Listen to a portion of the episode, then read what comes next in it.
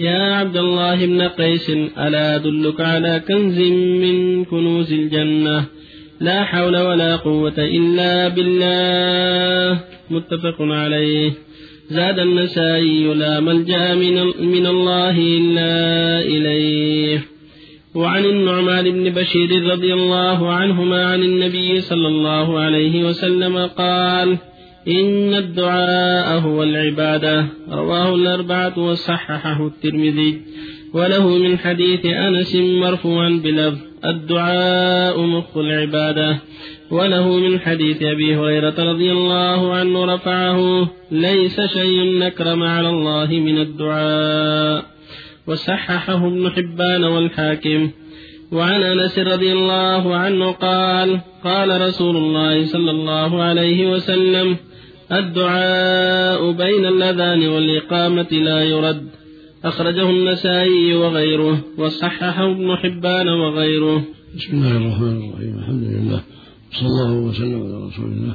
وعلى آله وأصحابه من اهتدى بهداه. أما بعد فهذه الاحاديث تتعلق بالدعاء وبلا حول ولا قوة إلا بالله. يقول النبي صلى الله عليه وسلم لأبي موسى ألا أدلك على كنز من كنوز الجنة؟ لا حول ولا قوة إلا بالله. متفق على صحته. زاد النسائي لا ملجا من الله إلا إليه. هذه كلمة عظيمة ينبغي الإكثار منها لا حول ولا قوة إلا بالله. لا حول ولا قوة لا حول لي على شيء ولا قوة لي على شيء إلا بالله. العبد عاجز مسكين ليس له حول ولا قوة في أكله وشربه وصلاته وصومه وجميع شؤونه. ليس له حول ولا قوة إلا بالله. إن الله قواه إلا تعقل. فالمؤمن يقول هذا متجردا من الحول والقوة. عالما أن ربه ولي يملك هذا كله سبحانه وتعالى. لا حول ولا قوة إلا بالله. وإذا سأل ولا ملجأ من الله إلا إليه حسن أيضا. يقول صلى الله عليه وسلم الدعاء والعبادة قال الله تعالى ادعوا ربكم تضرعوا وخفيا إنه لا يحب المعتدين ولا تفسد بعد إصلاحه وادعوه خوفا وطمعا. ويقول جل وعلا وإذا سألك عبادي عني فإني قريب أجيب دعوة الداع إذا دعان الدعاء عبادة عظيمة ينبغي الإكثار منه. ويقول صلى الله عليه وسلم الدعاء بين الأذان والإقامة لا يرد. كذلك بين الأذان والإقامة ينبغي الإكثار منه. بين الأذان والإقامة في آخر الليل بعد دخول الخطيب يوم الجمعة في حال السجود وبين السجد وبين الخطبتين وفي حال قراءة التحيات بعد قبل السلام ينبغي تحريها الأوقات اللي فيها الخير. فهذه أوقات يرجى فيها الإجابة؟ آخر الليل حين يبقى الثلث الآخر. كذا في يوم الليل وهكذا آخر الصلاة قبل أن يسلم وهكذا السجود الدعاء في السجود. ترجى إجابته لقوله صلى الله عليه وسلم أقرب ما يكون من ربه وهو ساجد فأكثر الدعاء. وهكذا بين الأذان والإقامة عند جلوس الخطيب يوم الجمعة. على المنبر إلى أن تقضى الصلاة وآخر ساعة من يوم الجمعة بعد العصر. لمن جلس ينتظر الصلاة وهو في خاص صلاة فالمؤمن في حاجة إلى إكثاره من الدعاء وإذا تحرى أوقات الإجابة كان ذلك أفضل وهو الذي سبحانه ادعوني استجب لكم هو يحب من عباده أن يدعوه ويضرع إليه جل وعلا فينبغي الإكثار من ذلك مع حسن الظن بالله ورجاء الاجابه وفق الله جميعا. قوله أكرم عفى الله عنك معنى قول شيء أكرم عن الله. لأن عند الدعاء افضل أفضل العبادات لكنه ضعيف روايه ليس اكرم ضعيف. لكن الرواية الثابتة الدعاء والعباده أما الدعاء مخ العبادة فليس اكرم على الله فيها ضعف. فيها رواية ضعف. كف مخصوص الله يحسن عمل فقط بخارج بداخل الصلاة أم خارج الصلاة؟ نعم. كف الثوب والشعر. داخل الصلاة. داخل الصلاة لكن بعضهم يكفه قبل الله يغفر لك. يؤمر بأنه يشد له بعد بعد دخوله بالصلاة يطلقه. يطلقه. إذا هو عام داخل إذا وخارج كف له الصلاة يصلي. ليس شيء اكرم على الله. نعم. من الدعاء. يقول الحديث فيه ضعف في روايتين كيف نوفق يا شيخ بي- بين الحديث السابق آه، الأذان الدعاء بين الأذان والإقامة لا يرد وحديث رب أشعث أغبر يمد بيديه في السماء. لا يعني مطعم حرام فيرد دعاء. هذه من الموانع من الموانع. لا يرد إلا بوجه معنى يعني ليس على إطلاقه الدعاء هذا مطلق وإذا قيد ب- بالمعاصي أو بالغفلة حين آخر. قد قد يدعو الإنسان في آخر الليل وقد يدعو في أوقات أخرى ويرد. نجد رحمته وإعراضه أو من أجل الأكل الحرام أو المعاصي الكثيرة. الله عنك رفع اليدين ما يكون إلا في الأمور التي يعني أن يقول الإنسان لا حول ولا قوة إلا بالله أو أن يكمله. لا حول إلا بالله. هي هي الأساس الثابتة عن النبي صلى الله عليه وسلم. وإن زاد فيه ولا من جاء من الله إلا لا بأس. بالنسبة إلا بالله العلي العظيم.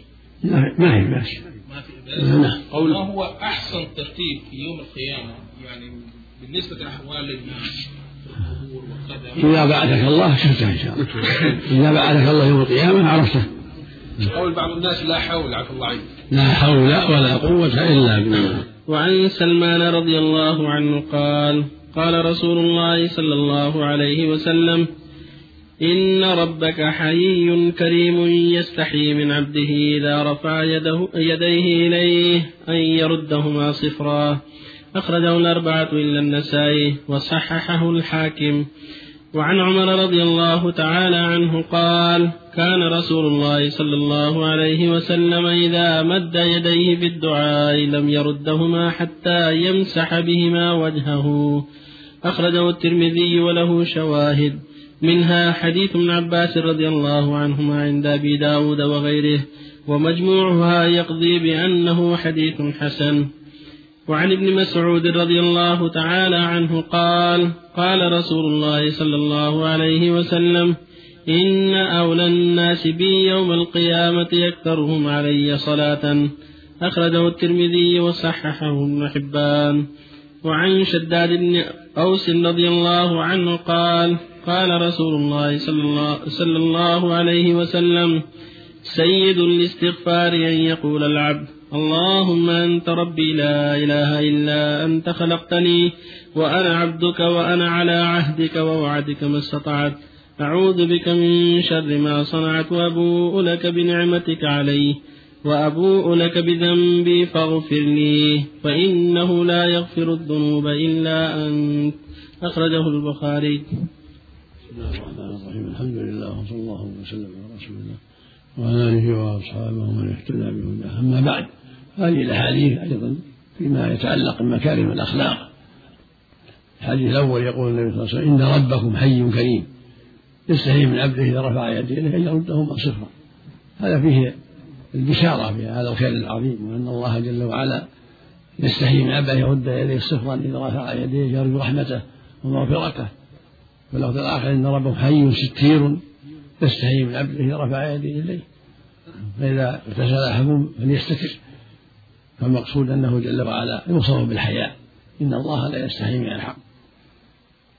فينبغي للمؤمن أن يكون شديد الرغبة فيما عند الله وعظيم الرجاء حسن الظن بربه عز وجل كما قال جل وعلا أنا عند أنا عند ظن عبدي وأنا معه إذا إذا ذكرني.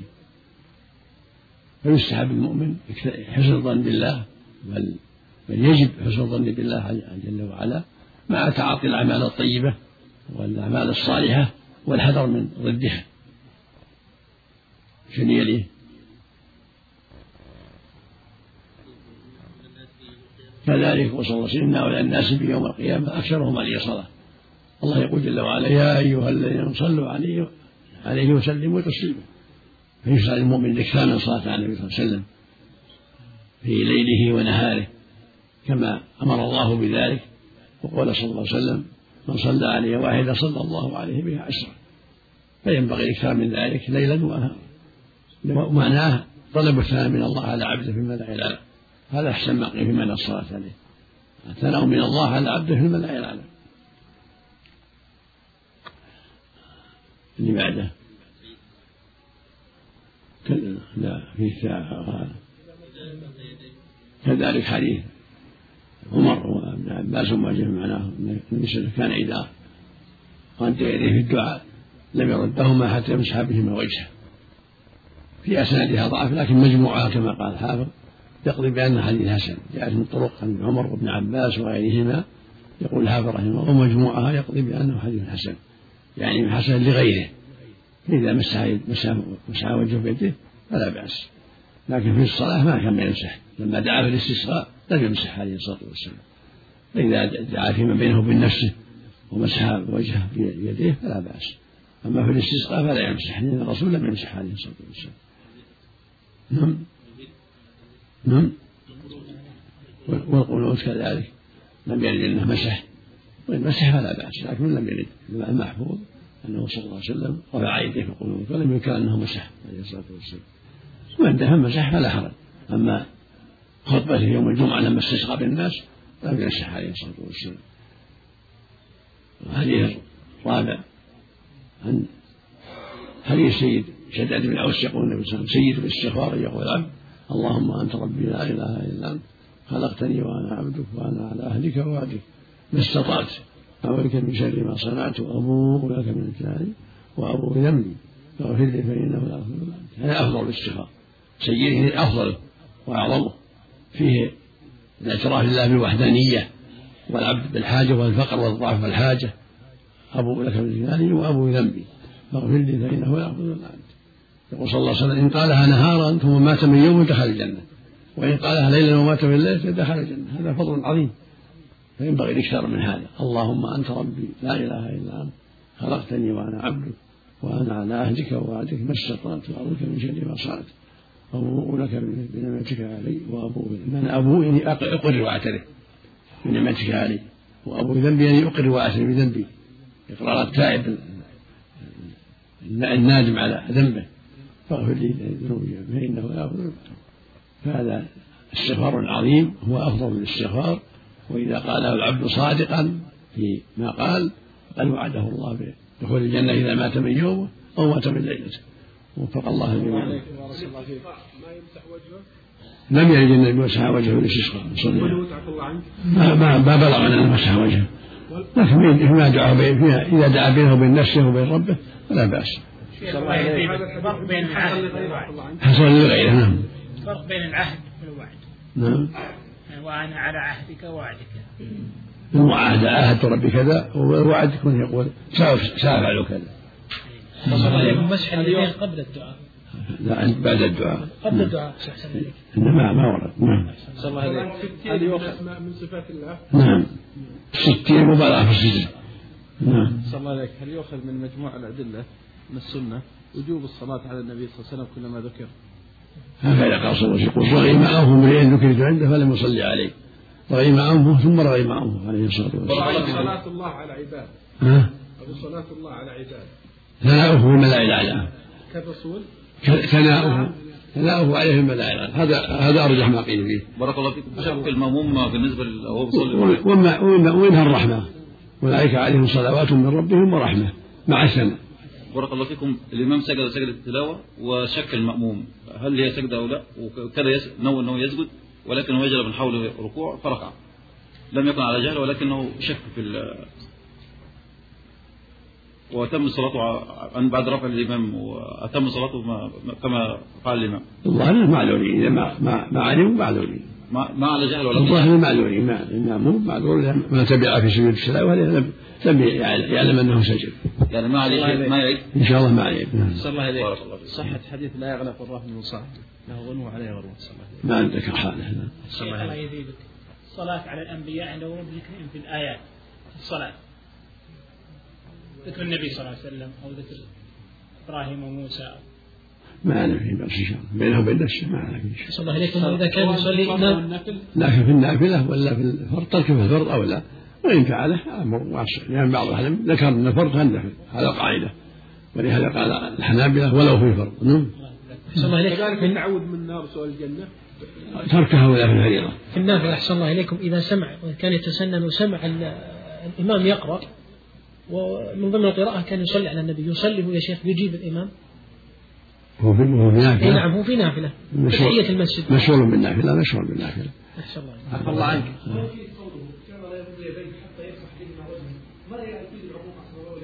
ها؟ نعم؟ قوله كان لا يرد يديه حتى يمسح بهما وجهه ما يفيد العموم لأن الرسول ما فعل. استسقى ما فعل عليه الصلاة والسلام. وهو يقول صلوا كما رأيتموني أصلي. الله عنك. والناس والناس ينظرون إليه. عفى الله عنك. صحة حديث عروة بن مبارس من شهد صلاتنا وقف معنا حتى لا بأس لا بأس. به صلى الله عليك عفى الله عنك. شيخ الله يزيدك الصنعاني علل المسح علل المسح على الوجه. قال إن العبد إذا رفع يديه ودعا فإن تكون فيهما البركة. وأولى الأعضاء بهذه البركة أن يمسح أن يمسح بهما وجهه. الله أعلم. وعن ابن عمر رضي الله عنهما قال: لم يكن رسول الله صلى الله عليه وسلم يدع هؤلاء الكلمات حين يمسي وحين يصبح. اللهم إني أسألك العافية في ديني ودنياي وأهلي ومالي. اللهم استر عوراتي وآمن روعاتي واحفظني من بين يدي ومن خلفي وعن يميني وعن شمالي ومن فوقي. وأعوذ بعظمتك أن أغتال من تحتي. أخرجه النسائي وابن ماجه وصححه الحاكم. وعن ابن عمر رضي الله عنهما قال كان رسول الله صلى الله عليه وسلم يقول اللهم إني أعوذ بك من زوال نعمتك وتحول عافيتك وفجاة نقمتك وجميع سخطك. أخرجه مسلم. وعن عبد الله بن عمر رضي الله عنهما قال كان رسول الله صلى الله عليه وسلم يقول اللهم إني أعوذ بك من غلبة الدين وغلبة العدو وشماتة الأعداء. رواه النسائي وصححه الحاكم. الحمد لله صلى الله وسلم على رسول الله وعلى آله وأصحابه ومن اهتدى بهداه. أما بعد فهذه الأحاديث ثلاثة تبين بعض الأدعية التي كان يدعو بها عليه الصلاة والسلام. والأمة تأسى به ذلك. لقد كان لكم في رسول الله أسوة حسنة. من دعائه في الصباح والمساء اللهم إني أسألك العافية في ديني ودنياي وأهلي ومالي. اللهم اسر عوراتي وآمن روعاتي. واحفظني من بين يدي ومن خلفي وعن يميني وعن شمالي ومن فوقي. وأعوذ بعظمتك ان اغتال من تحتي. هذا دعاء جامع. اللهم إني أسألك العافية في ديني ودنياي وأهلي ومالي. اللهم اسر عوراتي وامن روعاتي واحفظني من بين يدي ومن خلفي وعن يميني وعن شمالي ومن فوقي وأعوذ بعظمتك أن أغتال من تحتي. يستحب هذا من أدعية الصباح والمساء. وهكذا قوله دعاء صلى الله عليه وسلم اللهم إني أعوذ من زوال نعمتك ومن تحول عافيتك ومن فجأة نقمتك ومن جميع سخطك هذا أيضا دعاء جامع رواه مسلم في الصحيح. اللهم إني أعوذ من زوال نعمتك ومن تحول عافيتك ومن فجأة نقمتك ومن جميع سخطك يدعى به في كل وقت. دعاء عظيم. كذلك قول صلى الله عليه وسلم اللهم إني أعوذ من غلبة الدين غلبة العدو وشماتة الأعداء دعاء أيضا. مهم. اللهم إني أعوذ من غلبة الدين وغلبة العدو وشماتة الأعداء فدعوات النبي صلى الله عليه وسلم كلها دعوات جامعة. والله يقول جل وعلا ادعوني أستجب لكم. ويقول سبحانه ادعوا ربكم تضرعوا خفية. إنه لا يحب المعتدين ولا تفسد بين إصلاحها وادعوه خوفا وطمعا. إن رحمة الله قريب محسن وقال جل وعلا وقال ربكم ادعوني أستجب لكم. وقال تعالى وإذا سألك عبادي عني فإني قريب أجيب دعوة الداعي إذا دعان فليستجيبوا لي وليؤمنوا بي لعلهم يرشدون. فالمستحب للمؤمن الإكثار من الدعاء ولا سيما جواب الدعاء. قالت عائشة رضي الله عنها كان يستحب جوامع الدعاء. ويدعو ما سوى ذلك يعني الدعوات الجامعة مثل هذه الدعوات التي دعا بها عليه الصلاة والسلام رزق الله الجميع التوفيق والهداية. الله إليك يا شيخ صحة الحديث اللهم إني أعوذ بك من غلبة الدين. لا بأس نعم.